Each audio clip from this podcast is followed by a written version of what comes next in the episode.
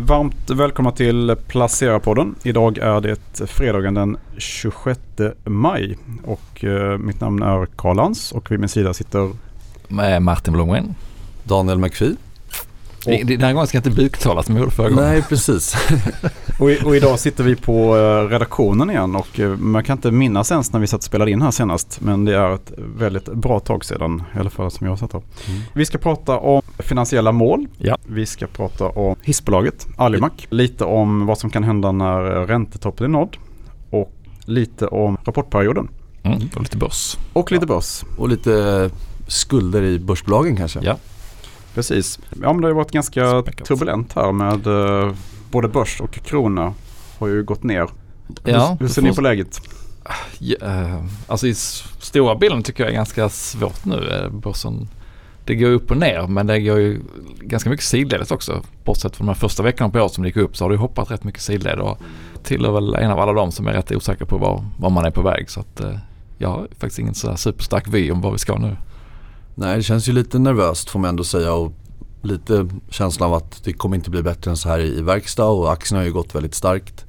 Eh, och sen så har ju fastighetsbolagen, vi pratade lite om det förra veckan. Mm. Att det är ju väldigt så tematiskt att konsument och fastigheter har gått ur kast och sen så har du verkstad som går väldigt bra och lite andra nischade segment. Men eh, vi får se, det känns som att det är där det står i vägen någonstans. Men Det känns som att liksom, värderingarna har gått upp ganska mycket i, i många bolag. eh, samtidigt då som vi kanske står inför lågkonjunktur helt enkelt. Ja. Och jag såg att tysk ekonomi gick in i en recession nu. Till exempel idag kom siffrorna. Så att eh, det ser ju ganska tufft ut. Ja, det är väldigt spretigt och samtidigt kommer då som i förrgår kväll var det väl Nvidias eh, rapport chip, chip och grafikkortstillverkaren som då har stor exponering mot AI-investeringar med en liksom monsterrapport och eh, deras prognos för nästa kvartal var att försäljningen skulle bara dra iväg till 11 miljarder dollar om jag inte minns fel. 50% över analytikernas förväntningar. Eh, och det, så det kommer ju driva, det, AI är ju en hype på ett sätt men det är ju faktiskt det är ju riktiga pengar och riktiga investeringar i datacenter och chip och sådär. Så det, det driver ju i sin tur en massa andra bolags efterfrågan. Det är samma med Microsoft. Det är ju nästan på all time high nu igen. Exakt. Och många av de här techjättarna har ju gått jättestarkt också.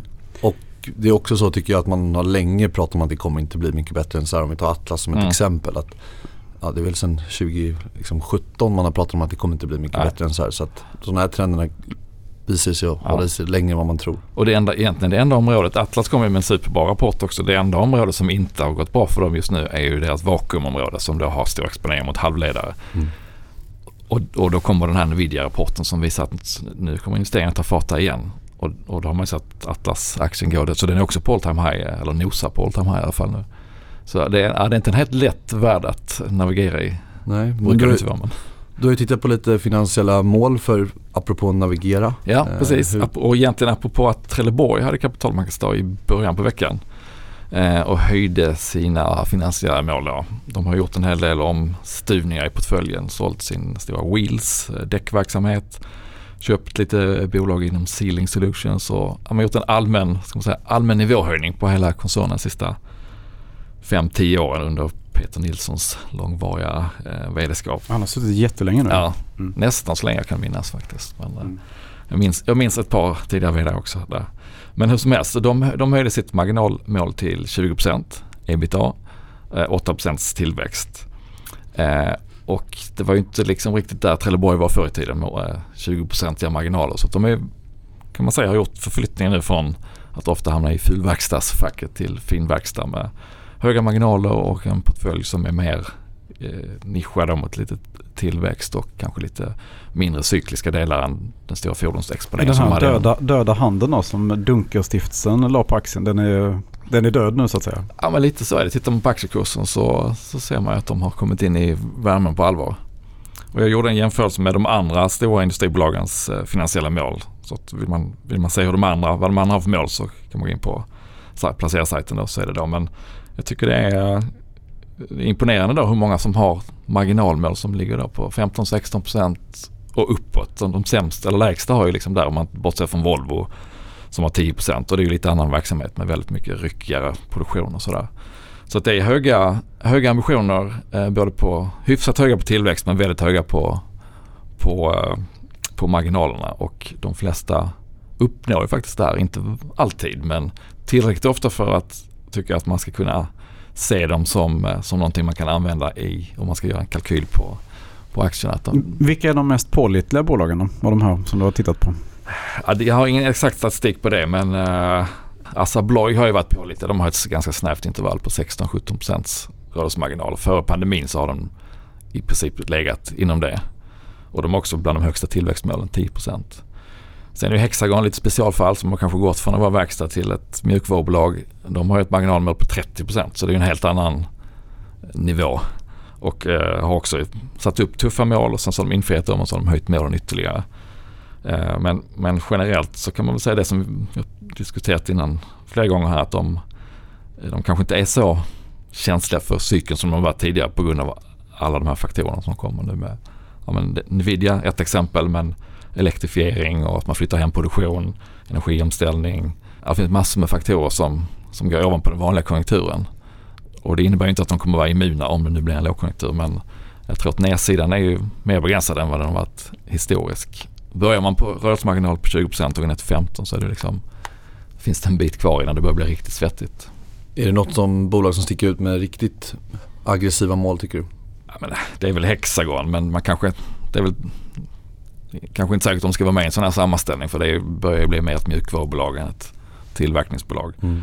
Men annars är det ju de som sticker ut med, med högsta målen. Men eh, jag tycker res, resan som Trelleborg har gjort är ju ganska fantastisk. Eh, och speglar lite det som, som många av de svenska bolagen har gjort. Att man, man har blivit lite duktigare på att uh, kill your darlings som man säger på engelska. Ta bort de områdena som inte har eh, tillräckligt bra potential. Allokera om kapitalet till delar där det finns eh, mer potential och högre lönsamhet. Och, och då höjer man ju på något sätt hela snittnivån på en koncern. Så att eh, ja, det, Trelleborg sticker väl ut genom den resan de har gjort. Mm. Mm, det är kul. Kul med en förändring helt enkelt. Yes. Men Alimac pratade du om. Ja, också Daniel. lite förändring får man ju säga. De har gjort ett jättestort eh, förvärv i form av Tractel som var deras eh, största konkurrent tidigare. Eh, det är ett hiss, eller bygghissbolag kan man väl enkelt säga. Det finns ju en bredd i deras affär också. Allt från fasad och till vindkraftverk som de hjälper till med så att säga, transportlösningar. Så att de jobbar med transportlösningar på höga höjder. Så de, om man går förbi ett bygge så ser man en sån här hiss som sitter utanpå eh, ställningarna. Då är det de, förmodligen de som eh, har den. Oftast är det och de har ju också kan man säga olika varumärken. Så det är nu då, Tractel som de har ju förvärvat men det finns också Avanti som de har inom mm. vind. Så att även om det inte står Alimax så kan det fortfarande vara något som kommer från deras koncern så att säga. Men de noterades 2015 och ägdes då till 30% så att säga, efter noteringen av Triton som var största ägare när de noterades. Och eh, gick, hade väl lite knackigt första tiden på börsen men sen så 2017 så fick de mer fart på affären. Eh, många väntade på att serviceaffären skulle växa mer där lönsamheten är bättre. Latour kom in då 2017 och köpte upp Tritons aktier så de är ju största ägare. Eh, men sen så har de eh, alla makter haft lite utmaningar i pandemin. Där med exponering mot Asien och byggsektorn. Och, mycket Kina var det förr i tiden i alla fall. Ja det är fortfarande rätt mycket. Eh, det är ungefär, om man tittar i Q1 här så ungefär 20% lite drygt från APAC då. Men nu har de då precis ganska nyligen gjort ett stort förvärv av Tractel som sagt 10 miljarder. Och eh, i samband med det så gjorde de en nyemission. Eh, men de är fortfarande liksom relativt skuldsatta ska man säga. Men så mm. nu ska de väl göra en resa där marginalerna ska upp lite grann eh, förhoppningsvis.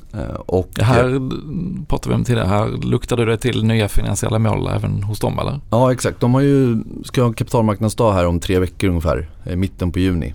Och då kommer de då presentera lite mer hur de här nya affärsområdena, de har ju adderat ett affärsområde efter förvärvet av Tractel som jobbar med lite mer speciallösningar. Eh, och eh, då kommer de eh, presentera förmodligen då också nya finansiella mål. Mm. Som idag ligger, tidigare så var det väl 5% tror jag intäktsökning i marginal runt 16, 14-16 om jag minns rätt. Mm. Och även en skuldsättning runt två gånger ebitda. Och nu ligger de över det ska man säga. Men fokus framåt blir då minska skuldsättningen och det bör de kunna göra om de liksom fortsätter i den här takten.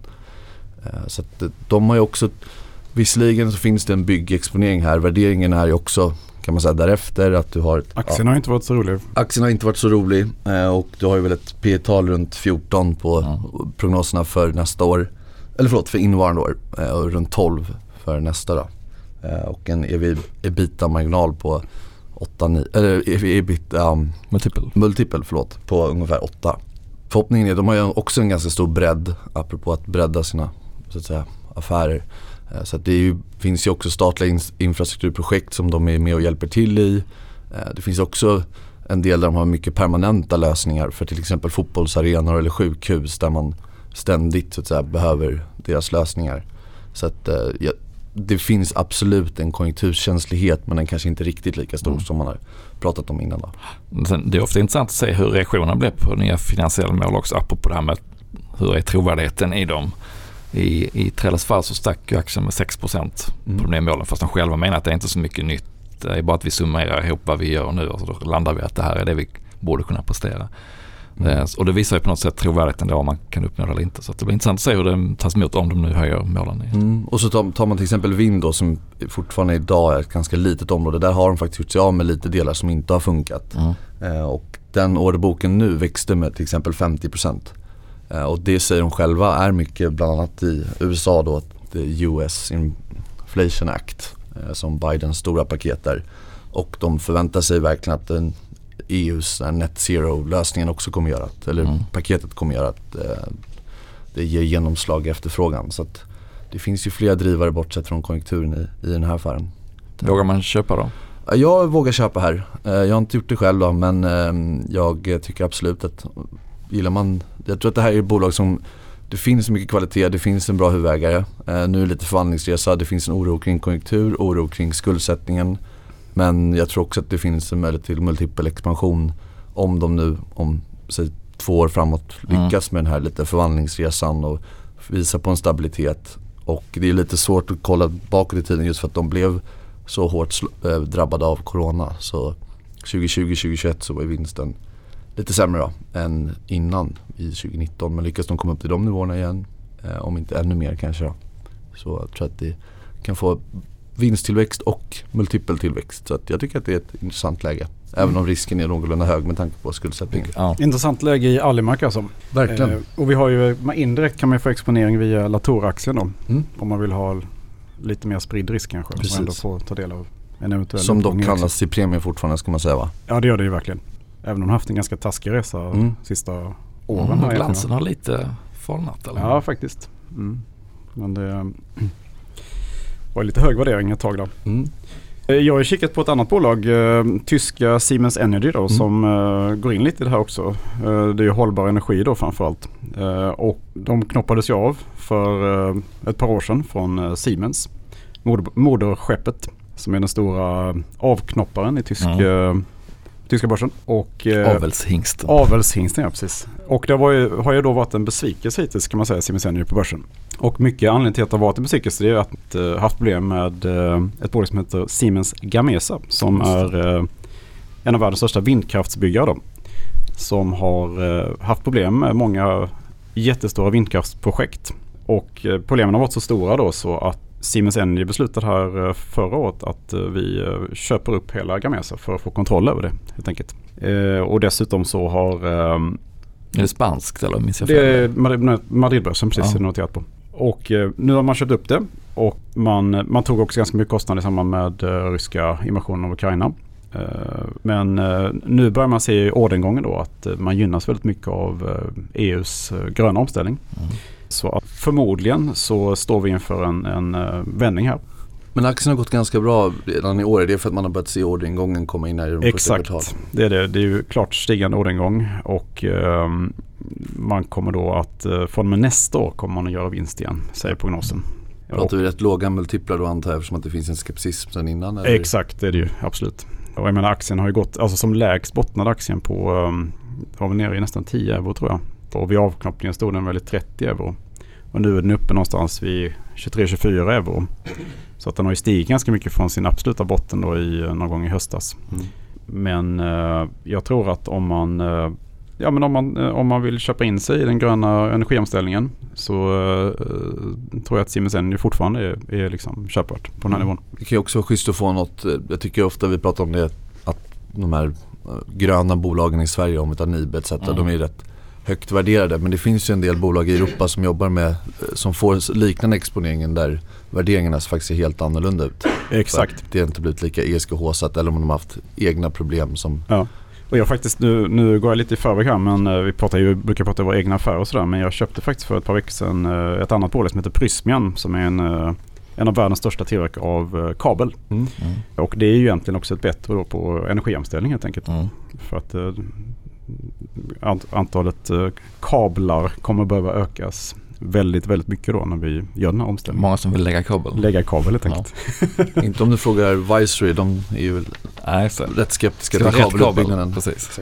Så att, nej men det är köp på, eh, jag satte i och för sig köp förra gången också då och det blev ju fel. Men eh, den här gången så tror jag ännu mycket starkare på att det Mm. är ett köp helt enkelt. Ja men de här stora samarbetena ska man ju vara, det det är inte helt sällan det blir lite tokigt då med, jag tänker Gamesa och Siemens, när två, två olika stora kulturer ska samsas. Det tar ofta längre tid än vad man hoppas kanske innan det sätter sig. Och, Innan det funkar ja. ja, Och de hade massa, det var så här, man skulle bygga, of, ofta brukar man ju bygga då, de här allra, allra största vindkraftverken bygger man ju ute till havs. Mm. Eh, men de hade testat att bygga det på land och sådär och det hade blivit väldigt dyrt i Brasilien då. Så att, eh, nej men det, jag tror att man får ordning på torpet här. Mm. Så att från nästa år så ser det väldigt bra ut. spännande. Mm. Du, du nämnde skulder i Alimac och jag vet att du har kollat igenom Daniel eh, lite skuldsättningen bland storbolagen eller? Ja precis, eller bland, eh, på midcap och large cap. Midcap. Mm. Alla snörvlar här. Ja, det är pollen.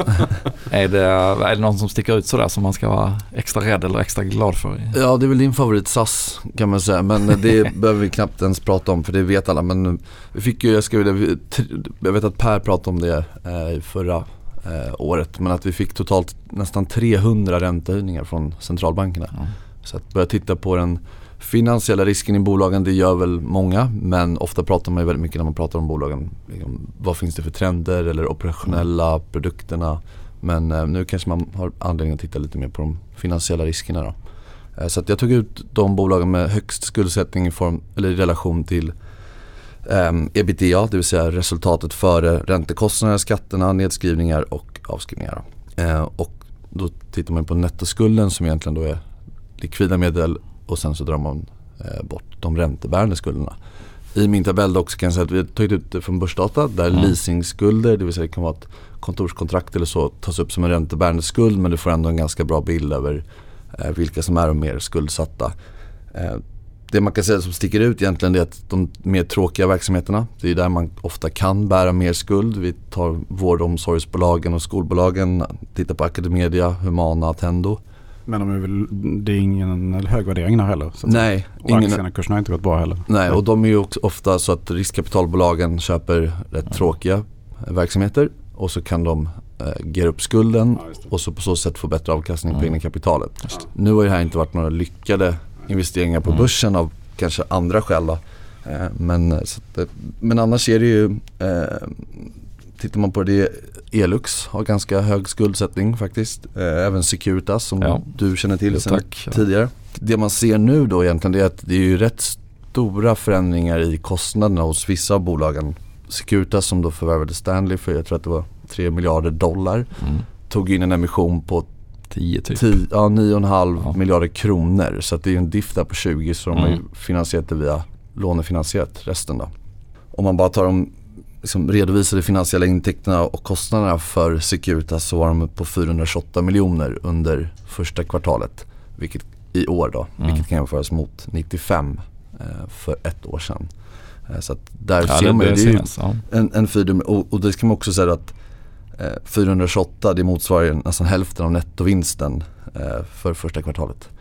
Eh, så det är ju rätt eh, mycket Mm. får man ju ändå säga. Ja, det är många, många bolag som har varit förvärvsintensiva som vaknar upp nu.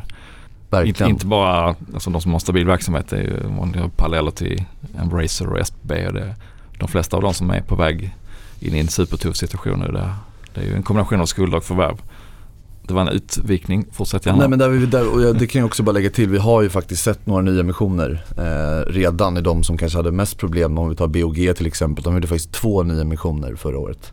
Eh, på totalt 1,8 miljarder ändå har de fortfarande ganska hög skuldsättning mm. i relation till ebitda och även tillbaks till det här med skuldsättningen och finansiella mål. Då. Eh, det finns ju också en koppling till kovenanterna, det vill säga de som lånar ut pengar till de här bolagen. Vad de har för krav på ja, utifrån den finansieringen de erbjuder. Eh, så det är ju viktigt att hålla koll på, mm. inte bara utifrån deras egna mål.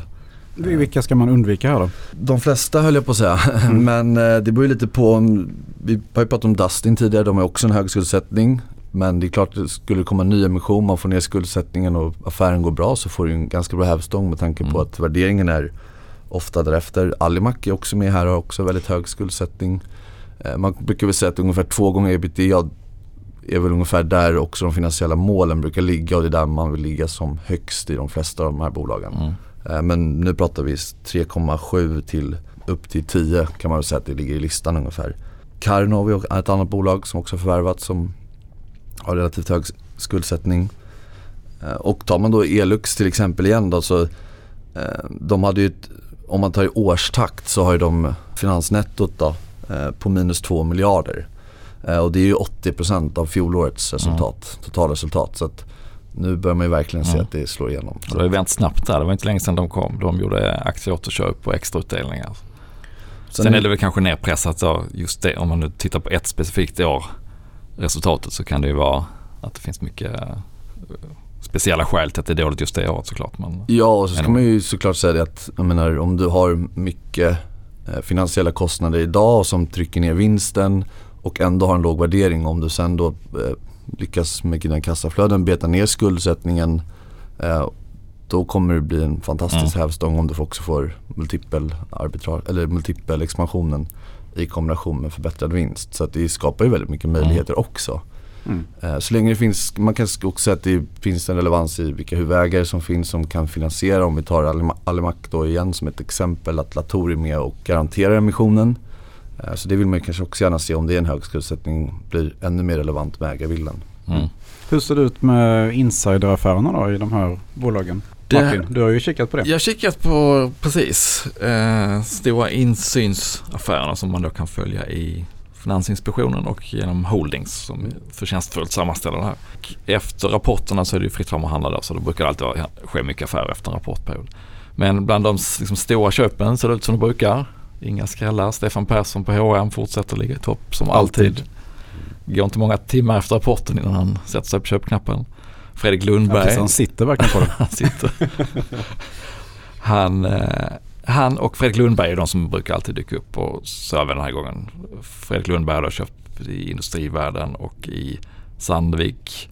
Industrivärden i sin tur har köpt lite i Handelsbanken. Så, så där brukar det alltid se ut. Men det är kanske lite roligare att se vilka andra då som har gjort någonting. Och tycker bland de som säljer så är det väl några som sticker ut. Eh, Hemnet. Just det, det är Stor försäljning av styrelseledamöter. Mm. Det är lite, lite andra så här styrelser och grundare som har sålt Volati, Evolution. Mm. Samtidigt som de gör aktieåterköp faktiskt. Ja. Det är lite anmärkningsvärt. Mm. Så att, ja men det finns Storskogen är en stor försäljning också. Tittar man på vd så tyckte jag det, trodde jag att det skulle vara tomt med köp. Men eh, man börjar kolla på listan där så är det faktiskt ganska många vd som har köpt de som har sålt då, då, då handlar det ganska mycket om att täcka skatter eller eh, få loss pengar för att delta i optionsprogram. Eh, så att det är inte sådär jättealarmerade försäljningar. Eh, däremot en hel del köp då. Magnus Groth på SSI, lastat in lite pengar. Gills Palmer, eller hur det uttalas, på Sint.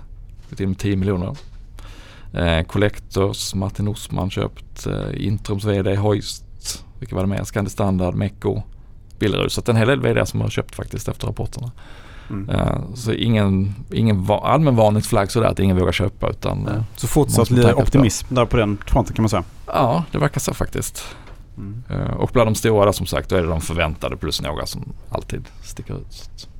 Mm. Ja, det var en, en spretig bild men mm. ingen, ingen röd flagga tycker jag sådär i största allmänhet. Mm. Det känns ju betryggande. Mm. Egna insynsköp då? Uh, ja, uh, jag har ju, det var ett tag sedan jag var med här men uh, sagt jag har ju köpt Prysmian då. så att lite på den gröna omställningen har jag tänkt. Och, ja, fallit ner lite i värdering också. Här. Den har jag tagit in och sen har jag ökat lite grann i fastighetssektorn. Jag har ökat min position i Platser. Ja. Göteborgs, en av Göteborgs stoltheter. Har ni gjort något av det? Ja, jag har faktiskt varit väldigt aktiv den här veckan måste jag säga. Ja, spännande. Mm, jag gjorde något som man inte borde göra antar jag. Mm. Eller gjort flera saker man inte borde göra på börsen. Men kunde inte hålla med. Men jag sålde faktiskt ner lite, lite Atlas. Jag är en sån där som sällan har en kassa så vill jag köpa in någonting eller vill, jag, vill, vill göra något, något köp så måste jag sälja något. Och den hade växt sig ganska stor i portföljen och har gått väldigt bra. Så då minskade jag ner lite där för att eh, köpa Skanska. Som vi pratade om i podden förra veckan. Så köpte lite här i mitten på veckan. De har ju haft också ganska mycket eh, problem. Eh, men eh, värderingen... Säljer vinnare, köper förlorare. Exakt, precis som sagt. saker man inte ska göra. Eh, sålde jag lite i ett norskt bolag som heter Carasent som också var lite stor kanske men så är jag kvar majoriteten av innehavet. De har ju också gått ganska knackigt på börsen så jag tror att det kan vara bra och äga dem. Eh, så det har jag väl gjort. Jag sålde ner lite, lite eh, Surgical Science igen. Eh, som kom med en jättestark rapport. Mm. Och drift, fortsatte väl drifta upp lite grann så att jag lättade lite där. Och sen apropå att göra saker man inte ska göra så har jag tagit en liten, liten bevakningspost i Enad Global 7. Ja. Som jag köpte då i slutet på den här veckan. Som Börsveckan skrev om också. Börsveckan skrev det Peter som är väldigt bra koll på läget. Eh, och eh, de har ju fått ett, de är ju P-personer som är inne i det här. Eh, de har rätt stor kassa och de har ett spel som har blivit enormt på TikTok. Mm. Och tydligen enligt Peter då så har de 8,5 miljoner hashtags på TikTok. Jag har inte själv TikTok så jag vet inte. Men det låter som att det är väldigt mycket i alla fall. Mm. Så att, jag tyckte det var ett mer för att läropeng kan man Jag kan ju för lite för att köpa det här bolaget egentligen men det är väl det som man inte ska göra, att lyssna på någon annan som, eller så. Men eh, jag, jag tyckte det var intressant, så får vi se hur det blir. Som sagt, ja, det är så man kan lära sig. Mm. Äger själv. Mm. Mm. Läropengar kanske. Exakt. Kanske blir ja, men jag har också gjort ett, eh, ett utbildningsköp faktiskt ja. eh, i veckan. Jag köpte lite Pfizer. Mm. Läkemedelsbjässen. Mm. De kom det ju med... ganska stabilt ändå. Ja, men de kom ju med ett eh, besked. De har också ett sånt här fetmapreparat som Novo Nordisk har på gång. Och i tidiga studier där så visade det sig vara lika effektivt och till och med ännu snabbare effekt än mm. Novo Nordisk. Så det är, det är väl en mikroskopisk del för dem nu men eh, de har fallit tillbaka ganska mycket efter pandemin. De var ju en stor vaccinvinnare. Eh, så den ser ganska billig ut och jag tyckte det här var lite spännande. För den här fetmamarknaden kommer ju vara, det kommer finnas eh, plats för flera där. De kan ju inte ens tillverka i närheten av det som efterfrågas. Kan man säga att det kommer bli feta vinster då? Jag hoppas på det. Mm. Både för egen del och för bolagets del. Precis. Eh, så att, men det är lite på samma som det är där. Att jag har inte liksom djupdykt i resten av Nej. bolaget. Man vet ju ungefär vad de håller på med. Men eh, ett, ett, snabbt inhopp också eh, blir att man följer bolaget lite mer och läser lite mer och förhoppningsvis lite feta vinster på köpet. Mm. Det är gjort och sen så har jag köpt till slut då efter att ha försökt tidigare men inte lyckats köpa New Wave. Mm som vi var nere och dippade efter förra rapporten och sen hann jag inte köpa det så stack den iväg upp och sen har den fallit tillbaka lite grann i lite allmän nedgång. Så den har jag till slut gått in i. Rygga på torsten helt enkelt? Ta rygg på torsten och på craft framförallt då. Ja visst, ja, men jag ser absolut på det. Uh, det tror jag bra. Och den är ju, ja, men den är ju skapligt lågt värderad givet att man tror att de har kommit till ny marginalnivå. Mm. Vilket man får hoppas då att de har. Mm. Du säger att du tror på det och så sitter du i en craft t-shirt. Exakt. Men du måste Precis, köpa fler. Jag mig som jag Du måste jag, ha en för varje veckodag nu så att det blir lite svung ja. i försäljningen. Exakt. Och där kan man också ta rygg på, det finns ju ett investmentbolag som är störst, storägare också, Swadder. Mm. Ja. vill fördela risken lite. Ja men det är många som gillar det men det, det är inte så att det har blivit dyrt trots det. Nej. Um, om, som sagt, om marginalerna är, för nu är de ju på 15% plus då och eh, historiskt har de varit ensiffriga. Så att någonting har hänt och förhoppningsvis är det uthålligt, vilket jag hoppas. Vad ligger din kassa nu på du som är lite mer försiktig variant? Eh, kanske mellan tummen och pekfingret 15% kanske. Ja. Kanske låg på 20-25% kassa. Jag har inte gjort något på väldigt länge nu. Men så gjorde jag de här två köpen. Nej, det ryktas ju om att man ska vara fullinvesterad när du är det så att vi får väl vänta Så. lite till då. Mm, you'll be the first to know. Vi håller, vi håller ut. Men eh, vi önskar en trevlig helg Ja, det gör vi. till lyssnarna. Trevlig helg. Trevlig Ja. helg.